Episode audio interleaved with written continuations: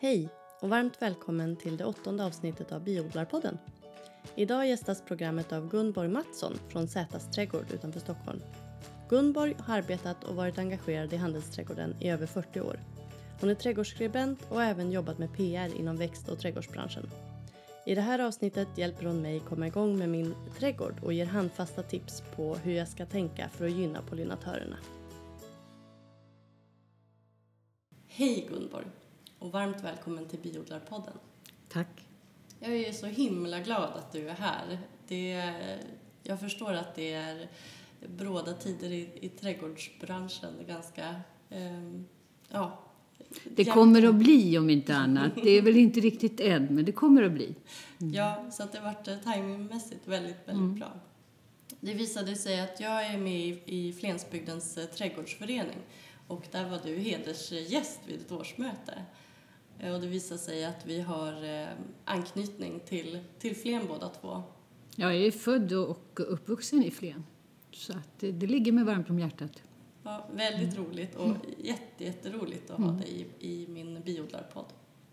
Eh, berätta, du, du är ju för, för mig en, en, en kändis, mm. eh, men kanske inte för alla som lyssnar på biodlarpodden. Eh, du har varit en, en del av Zätas handelsträdgård och är det fortfarande till stor del. Ehm, det är jag jättenyfiken på att höra mer om. Ehm, men berätta mer, vem är du? Ja, som sagt, jag kommer från Flen och eh, flyttade till Stockholm i eh, slutet på 60-talet. Och sedan 1975 så köpte jag och min dåvarande man Zetas trädgård i Huddinge. Och sen har vi drivit det i många år tills min eh, dotter Victoria tog över det i mitten på 90-talet. Men eh, numera är jag pensionär, men jag eh, jobbar fortfarande för det är kul att jobba. Och sen åker jag också runt och håller föredrag om trädgård. Vilket också är väldigt roligt. Man träffar ju, trädgård är en, en bransch där en bransch där alla människor tycker det är, det är någonting som är roligt. Eh, och, eh, ja, det, man är väldigt vetgirig, man vill veta mer. Och, ja, det, det är en kul bransch. Jag skulle nästan vilja kalla trädgård vid ett gift. Att man känner i slutet på säsongen att det är ganska skönt att det blir vinter. Men nu så fort solen börjar komma fram så kliar det nästan i hur är, hur är din? Det kliar verkligen. Det kan, det kan jag lova att det gör. Man, den här tiden är man ju så vansinnigt sugen och man sår sina frön och man känner hur det spirar och man, man är bara lycklig. Och man, man går ut och, och, möter våren mot den soliga väggen. Och man ser insekterna börja vakna till liv. Och, ja, det, det är en födelse varje år. Hur föddes ditt eh, trädgårdsintresse? Jag tror, när jag tänker tillbaka, så tror jag min pappa var väldigt road av eh, trädgård och växter. Och eh, jag tror att det var därifrån det kommer, av natur överhuvudtaget. Vi, vi var mycket ute i naturen när jag var barn. Och jag tror att det var genom det som sen då blev min yrkesroll också. Det, det föll sig på något sätt naturligt.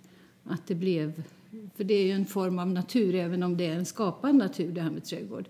Så jag tror att det var på det sättet som eh, intresset väcktes. Och sen är det som du säger, har man en gång kommit in i det, sen blir man ju mer och mer nördig kanske. Men eh, det är, det är roligt. Det är, det är en glädje att få odla och se när det växer. Och med allt som hänger med. Det lyckas inte alltid, men det gör ingenting. Då försöker man på nytt. Så att det, ja.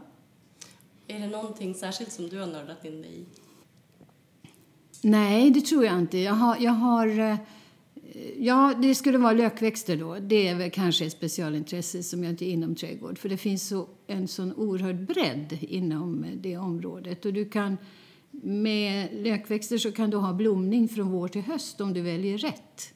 Eh, men sen finns det ju, perenner är ju ett specialområde som jag också har som jag tycker är väldigt, väldigt roligt. Så att, nej, det finns mycket. Det är svårt att välja. Har du, har du eh, ro att uh, hålla på i din egen trädgård eller blir det mer att uh, du är engagerad i, i handelsträdgården och andras trädgårdar? Nej, jag, jag måste ha min egen trädgård. Att gå ut uh, en runda på kvällen när jag kommer hem från jobbet, om jag har jobbat så då måste jag gå ut och se vad som har hänt under, under dagen. På morgonen, om jag inte åker allt för tidigt, så går jag också en runda. Det, det är helt fantastiskt att få gå i sin egen trädgård. Och sen har jag ju, jag lägger ungefär, om vi säger rensning och sånt i min egen trädgård, så lägger jag kanske en hel dag i veckan om man står ute. Eh, ja, jag skulle timma, åtta timmar i veckan som jag... Men dessemellan njuter jag naturligtvis av min trädgård också. Det är absolut. Har du något favoritrum? Ja, jag har nog olika rum beroende på säsongen faktiskt. Jag har ju eh, ett parti med mycket vår, eh, vårflor och sen har jag ett eh, parti med pioner när de blommar midsommartid. Då är den delen av trädgården härlig. Och sen har jag frukten. Jag har några äppelträd och när det kommer så är det också en... Och sen är jag så lycklig lottad så på vår tomt så har vi också vilda blåbär. Och när den säsongen är då kan jag krypa på knäna där ute och plocka blåbär. Så att, eh, ja, det finns många olika perioder när det gäller trädgård. Jag tänker att det är också en av ansatserna till biodlarpodden och trädgård.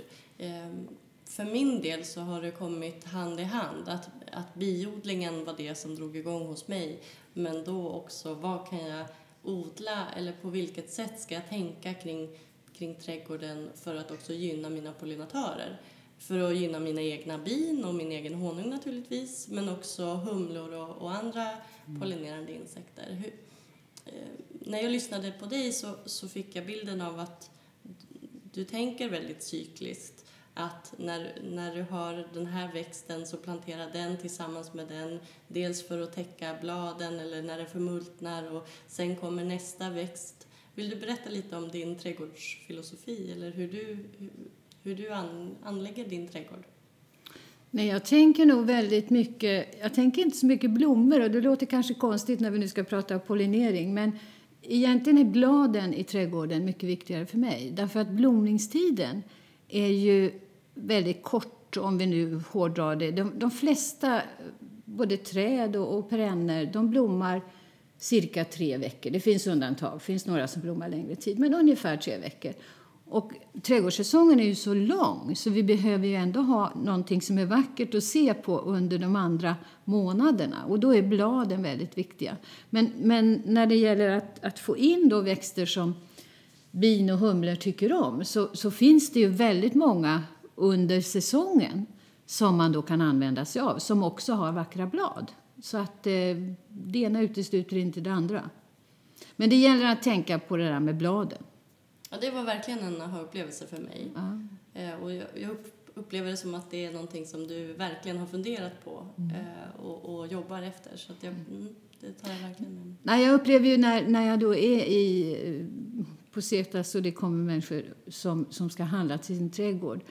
Då kommer man in på våren och då finns det väldigt mycket som blommar och vackert. Det är mossflox, det är sippor och det är alla möjliga och då köper man på sig en massa utan att tänka sig för. Var ska jag ha det här? Och, och hur ska jag plantera det här? Och passar det in? Och så vidare. Utan när man skaffar sig trädgård så egentligen så det viktiga är att man, man funderar vad, vad vill jag med min trädgård? Och inte köpa med ögat det första man gör. Så att eh, det gäller att försöka skaffa sig en plan. Och i den kan ju också då ingå att man väljer växter som är bra pollinatörer. För det finns ju massor som man kan använda i trädgården. Och planen, hur, ehm, hur ska jag tänka? När jag att du ska ha någonting som blommar från vår till höst. Att det avlöser varandra. Så hela tiden ska du ha någonting. Och att försöka välja då växter som, som vi vet eh, bin, humlor, fjärilar och så vidare tycker om. För det finns väldigt mycket. Och det kan man få hjälp med när man går till, till en handelsträdgård. Eh, ofta så har man ju skyltar där det också står vad som är lämpligt. Eller också så söker man på nätet. Där finns ju alldeles utmärkt information om, om eh, biväxter till exempel. Jag tänker också att så klokt att ha den här eh, utgångspunkten i att det ska både vara vackert och eh, både när det blommar och när det inte blommar. Mm. Och jag tror att det är det jag har tappat. Att ja. när det inte blommar ska det också vara vackert. Men det där är, en, det där är en fas. Om du nyligen har börjat med trädgård, då är det så mycket som du vill ha. Du ser så mycket, åh, den måste jag ha, den måste jag ha, utan att tänka hur och varför. Så att, och det där kommer, vart efter man utvecklar sitt intresse för trädgården, så, så kommer ju det här fram, att man kanske specialiserar sig mer och mer på vissa områden inom trädgården. Ja, och också få till hela den där basen, allt det gröna och de här rummen så att man ändå har någon typ av Mm. eh, känsla för hur och när kommer jag vara här. Mm. ehm, Det är också säsong. viktigt. Eh, För där, där är också när, när eh, det kommer kunder och de säger att de vill ha si så. Och då frågar vi när ska det blomma? För att ofta är det ju så att du är inte hemma under högsommaren. Juli månad är många borta på semester. Och då väljer man istället vårblommande och höstblommande. Så att man eh, täcker in den tiden man är hemma och har fint. Um, om vi börjar gå in på, på pollinatörerna så fick jag en fråga. I ett av avsnitten så är Paul Svensson med. Och han undrar då om eh, det finns något sätt att göra den, eh, den fantastiska honungen eller om det finns ett sätt att eh, anlägga sin trädgård så att man får en riktig gourmethonung. Ja, sen vet jag inte om vi kan svara på det eh, här och nu men att ändå resonera kring vilka växter eh, skulle du skicka med eller skulle du säga eh, att de här är favoriterna, de här åtminstone hade jag haft i min trädgård. Jag, jag kan bara gå till min egen trädgård och se vilka växter som hos mig bin och humlor älskar. Och då är det två stycken som är, tre, som är extremt bra. Och det är lavendel, har lång blomningstid under högsommaren. Och så har jag en honungsros. Det är en klätterros som blir väldigt, väldigt stor eh, med små gula doftande blommor. Och när den, när den blommar, och det är då ofta första, andra veckan i juli, då kan jag aldrig åka bort. För då måste jag vara där. Jag ryser bara tänker på hur det är att gå ner på morgonen och så hör man det här surret. För det är alltså som en, en kör av bin och humlor som är i, det, i den klängrosen. Den är makalös. Och sen vet inte jag hur pass smakrik honungen blir av det här, men jag vet att de älskar den. Och längre ner i trädgården så har jag också en lind, en stor lind. Och när den blommar, den är ju väldigt söt. Det är också en favorit för, för bina. Så att eh, de tre. Sen finns det ju många andra som det också är eh, bina älskar. Men det här är de som jag verkligen har märkt att eh, här trivs de. Det jag försöker tänka med min, med min trädgård, eller det mitt närområde där, där jag har mina eh, bikuper, är ju säljen då, som en, en självklarhet på våren. Eh, men du nämnde också någon, någon lökväxt som humlorna är väldigt förtjust i. Det är krokus. Krokus är, är så härligt, för det är ju redan i mars månad, en normal vår, så blommar krokusen så här års. Eh, och eh, då ser jag ju hur de verkligen sitter där och gottar sig. Eh, jag har inte sett några bin så tidigt, men det är mycket möjligt om man bor på rätt plats att de är ute då också. Eh, så att eh, krokus är bra. Det är ju det som jag tycker är så fantastiskt, att det som blir vårtecken för mig är ju också bra för Mm. pollinatörerna. Så att i med fler krokusar. Absolut, absolut. Mm. Eh, och på, sen kommer sipporna, eller när... Du, Ja, sen kommer sipporna. I början på april så kommer först blåsipporna. Och eh, sedan eh, efter ytterligare ett par veckor så kommer vitsipporna. Och där finns det ju också många som de tycker om. Och sen kommer gullviver som också är väldigt bra eh, bimat. Eh, det med, jag har mycket självsådda eh, gullviver i, i min trädgård och där, eh, där ser jag att de verkligen kryper in i den lilla klockan och försöker hitta. För det tänker jag nästan är, att det är härligt att det finns både de här ljuvliga lindarna och honungsrosen. Jag, jag kan också få, få det här ljudbilden. Det är otroligt maffig ljudbild när, man, när man vet att de är igång. Men också att försöka hjälpa till tidigt på säsongen. Att det inte är helt lätt innan all blomning är igång. Nej, eh, där har vi ju sånt som blommar tidigare. Timjam, är, är det en solig plats så är timjam igång ganska tidigt. Eh, och det är ju också väldigt bra biväxter. Men även eh, narcisser finns det många, många sorter. Och det har du i maj redan. Det är ju maj. Och de, de är också väldigt fina eh, ja, bi, biväxter. Eh, tänker mer där. Sen kommer ju liljor. Alldeles utmärkta. De har ju ofta stark fin doft och de är jättefina som, också som mat. Um,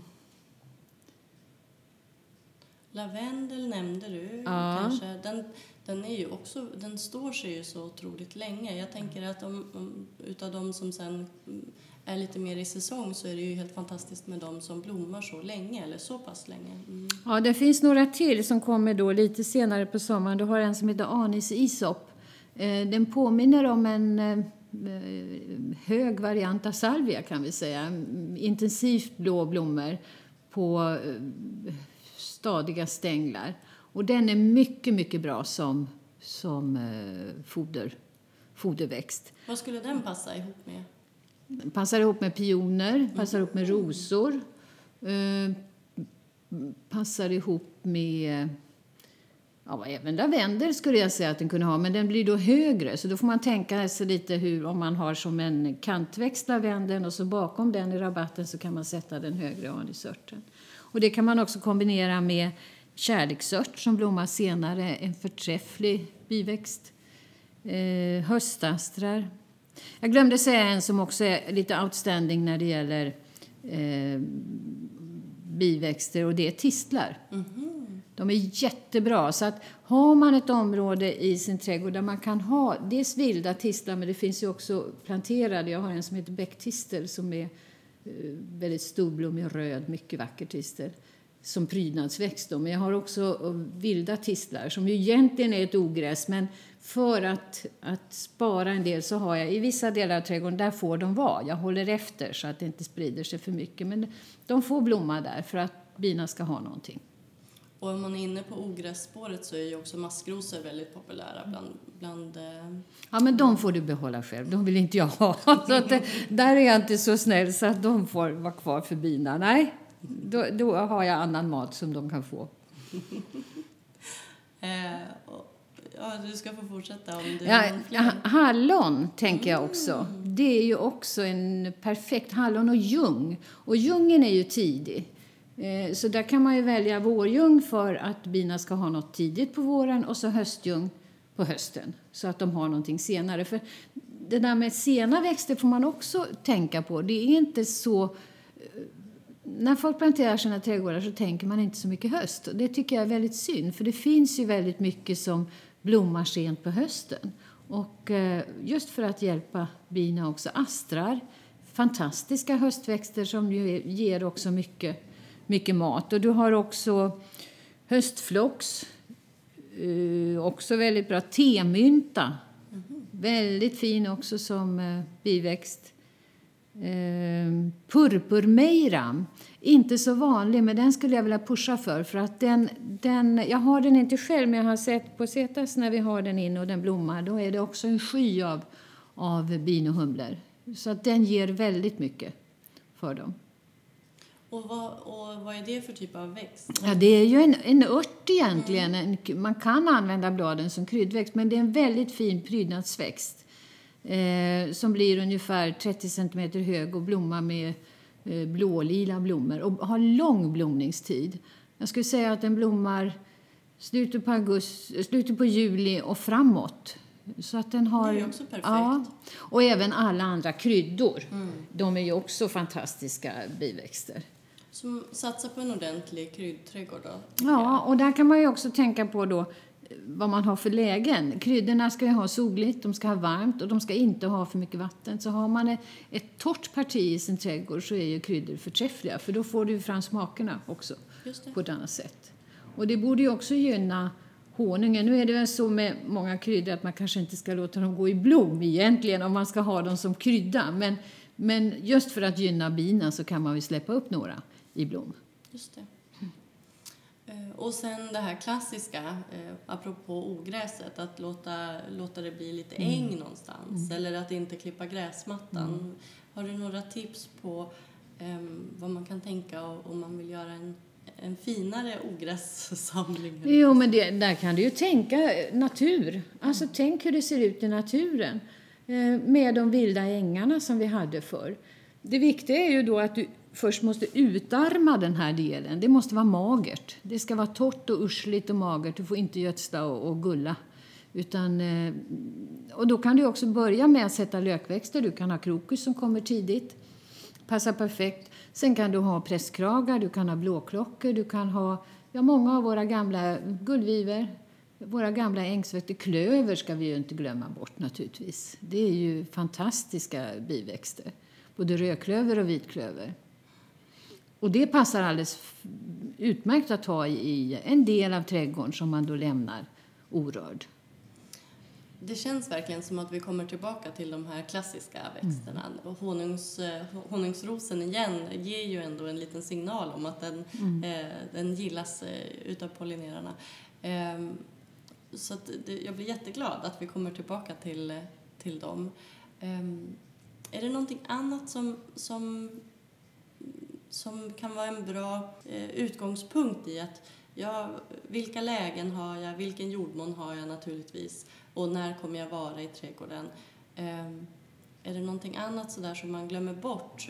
Ibland pratar man om att ha vatten i trädgården eller vattenspeglar eller um, jag tänker att det är ju också bra för bina att, man, mm. uh, att de har någonstans där kan man ju, Där kan man ju ha ett grunt fågelbad.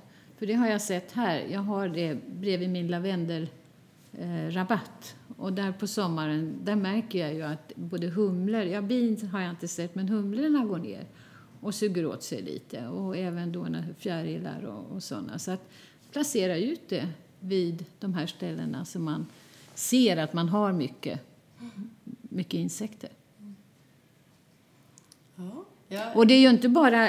Alltså, jag tänker också fjärilar i det här, även om det nu är bin vi huvudsaken ska inriktas på. Men fjärilar har jag också då tyckt att där har jag faktiskt fått lite mer fjärilar. För jag har också några partier med brännässlor eh, vid sidan av.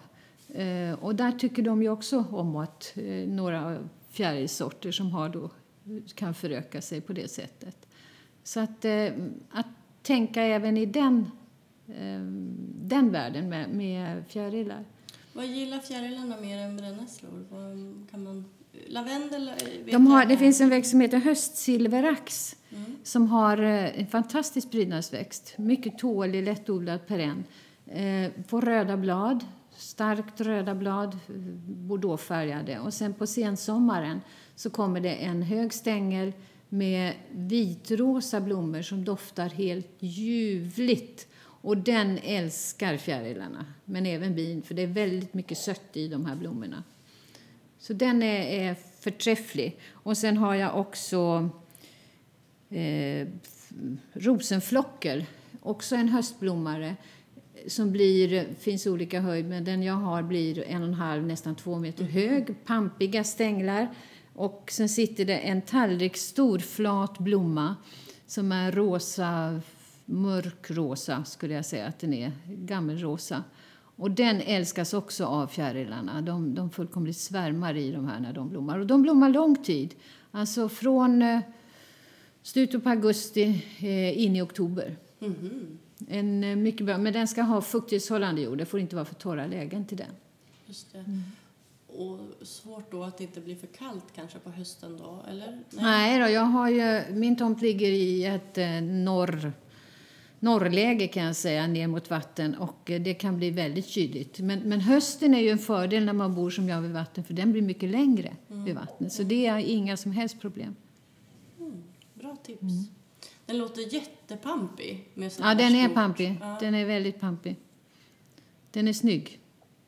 Och stadig bra alltså. Även om den är en och en halv, två meter hög så står den stadigt.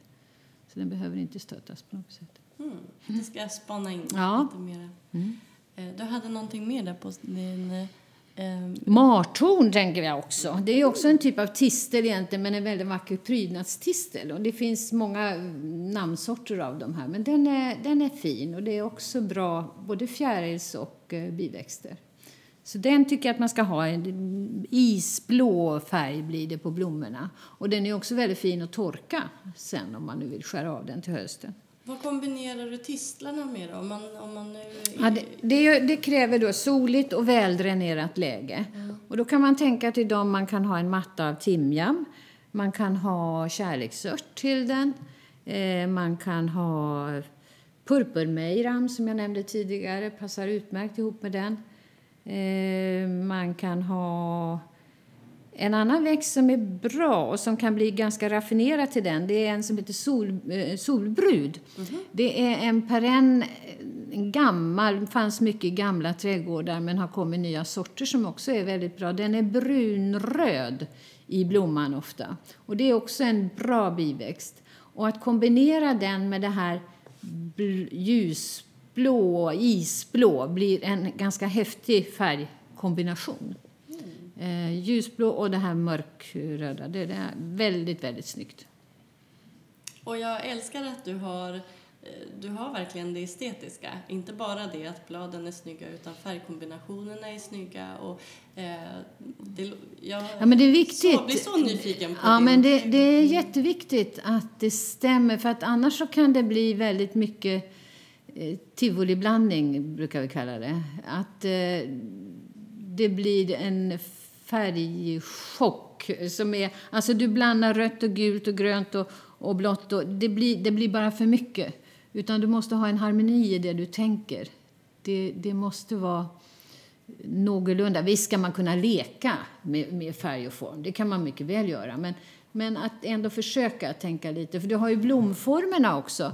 Det finns flata blommor, det finns runda bollformade blommor. Att kombinera de två tillsammans, då har du ju bara där så har du en effekt. Och när det gäller blad så kan du tänka att du ska ha finbladets skira blad, typ ormbunkar.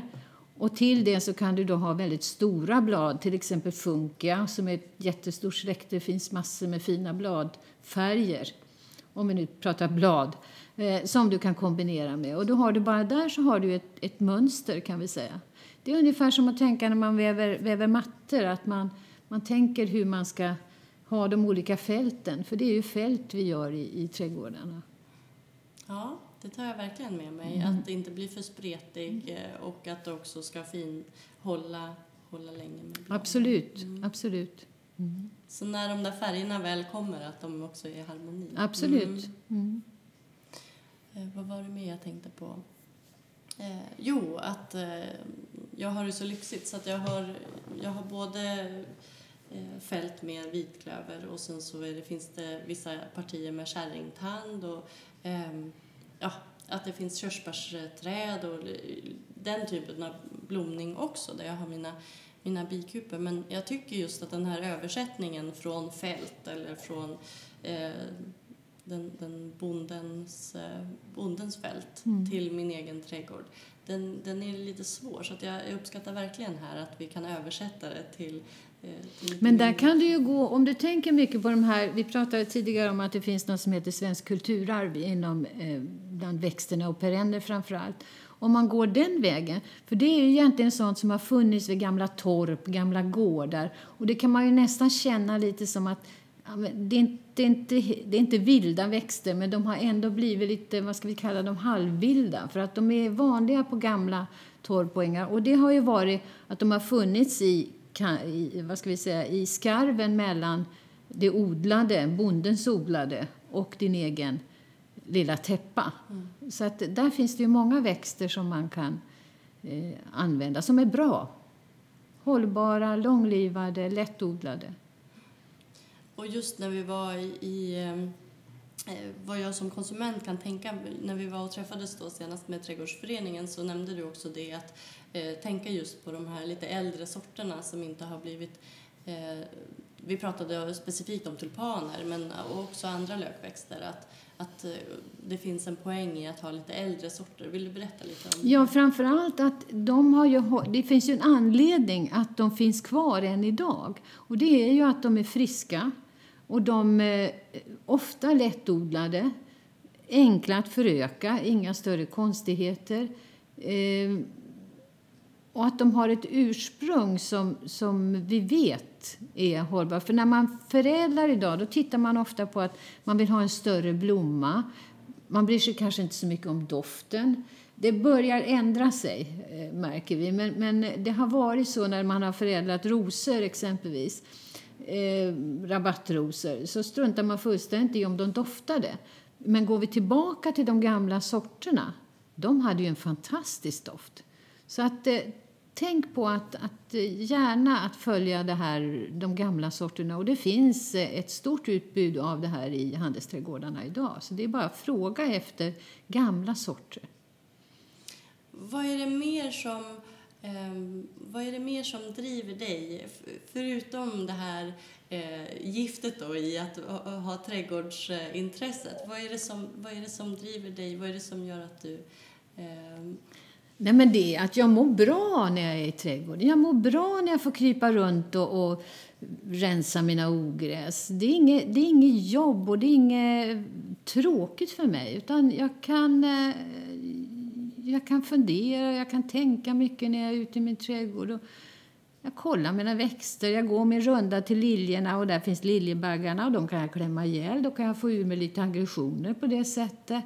Det, nej, det det är lycka att ha en trädgård skulle jag säga. För mig är det, det är harmoni. Jag mår bra när jag får komma ut. Det är därför man längtar så mycket nu. Man vill ut och vara ute. Varifrån hämtar du din inspiration?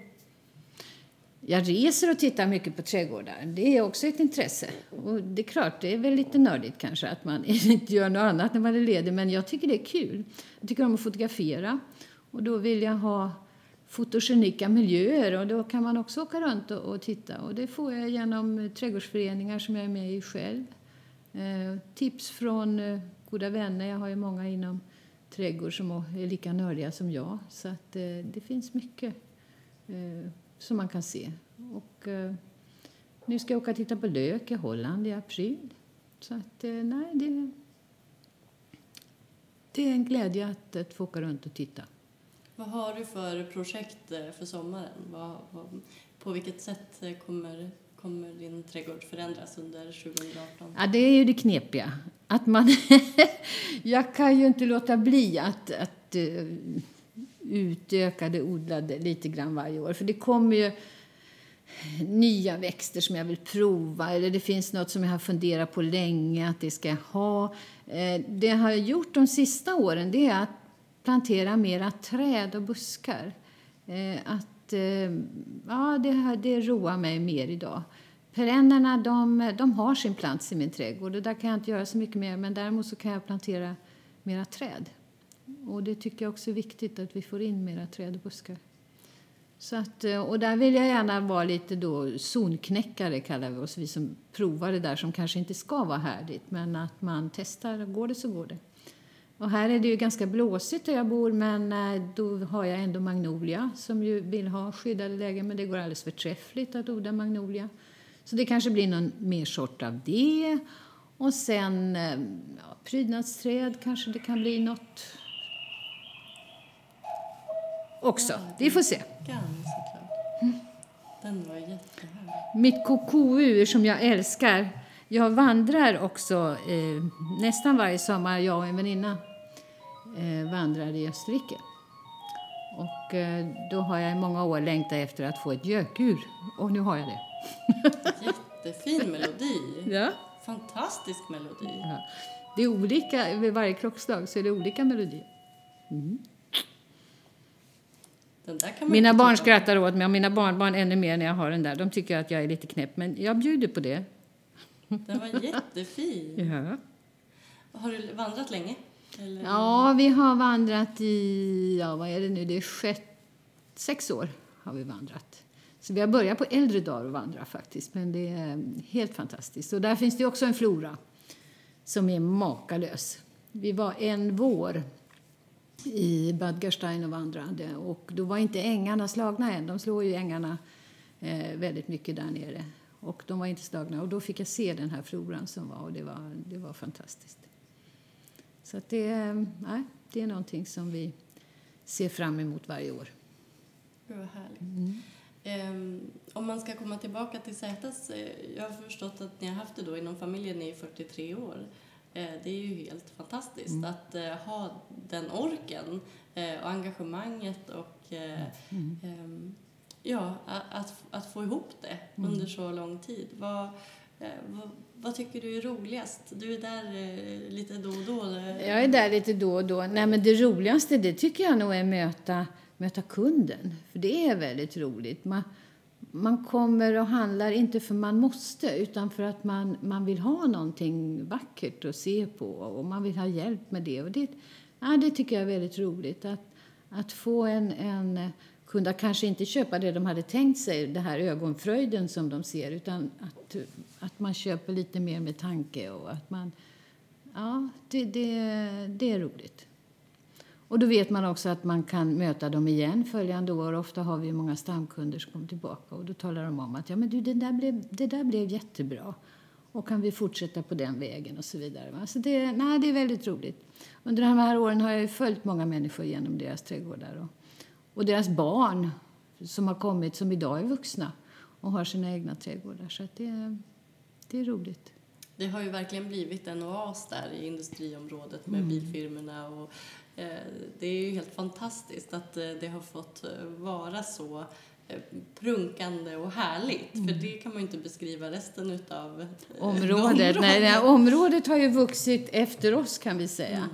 Det, det var ju ett sommarstugområde egentligen när vi tog över. Det fanns lite villor där men inte så där väldigt mycket.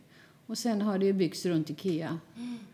hela tiden. Det, Ja, jag såg i, i, i samband med att Ingvar Kamprad gick ur tiden så såg jag också flygfoton mm. från när Ikea eh, etablerade sig där i Kungens mm. Kurva. Att det var ju verkligen åkermark mm. runt omkring och det var mm. ute i bussen. Mm. Det var ute i bussen, verkligen. Så det har vuxit enormt. På gott och ont. Man kan ju tycka vad man vill om alla bilfirmor som ligger längs motorvägen där. Men det, och även villaområdet har ju, där är ju väldigt tätt bebyggt idag. Men ni har ju verkligen fått att bli en oas ja. i, i det. Mm. Och, eh, och det har också varit väldigt viktigt att behålla den. Eh, för det som skiljer oss från andra handelsträdgårdar det är just miljön.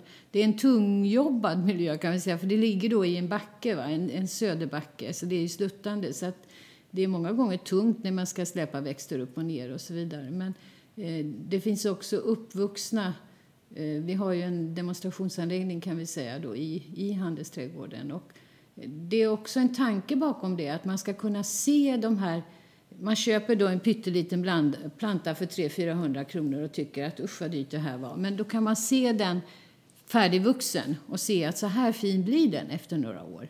För att jag brukar också säga att trädgård är väntan och det är lite knepigt idag att få in hos den yngre yngre generationen. För där kommer man idag, det är en trend idag att det ska vara fix och färdigt på en gång.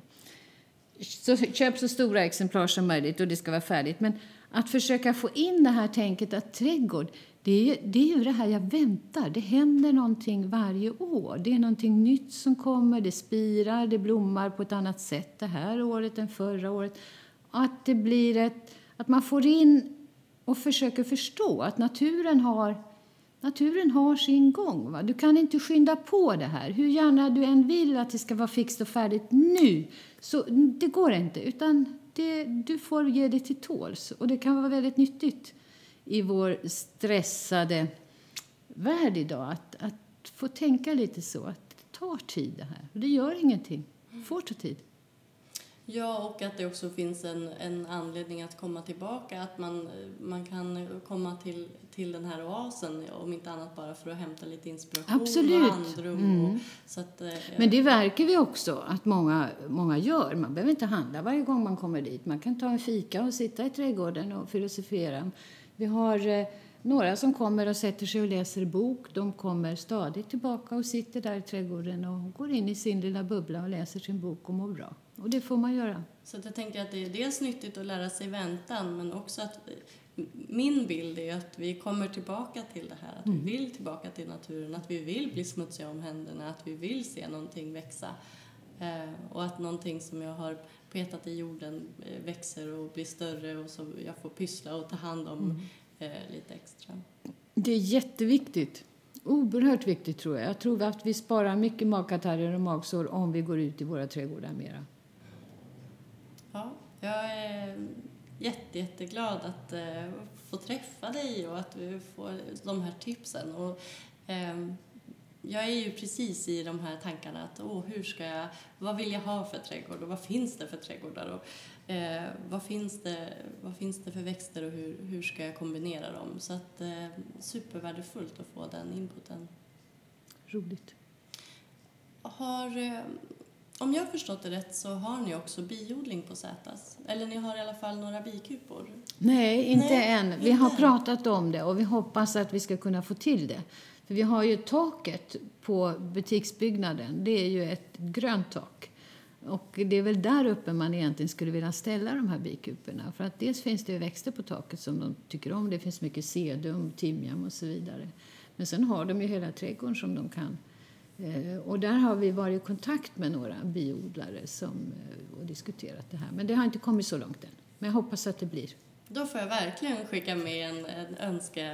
ja, Vad Mm. härligt. Det vore ju en perfekt eh, kombination.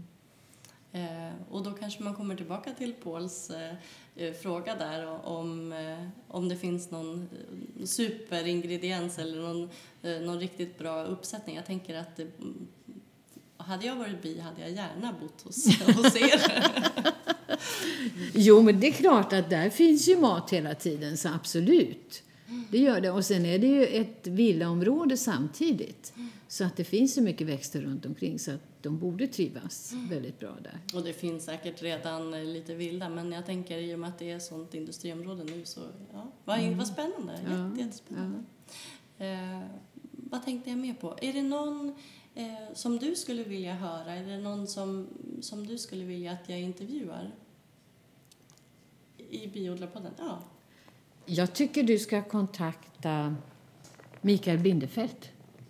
Han har bikuper ute på sitt landställe och är väldigt road av, av det här med bina. Så jag tycker du ska försöka få med honom. Vad roligt, det ska jag göra. Eh, stort tack för att du ville vara med i Biodlarpodden. Tack själv.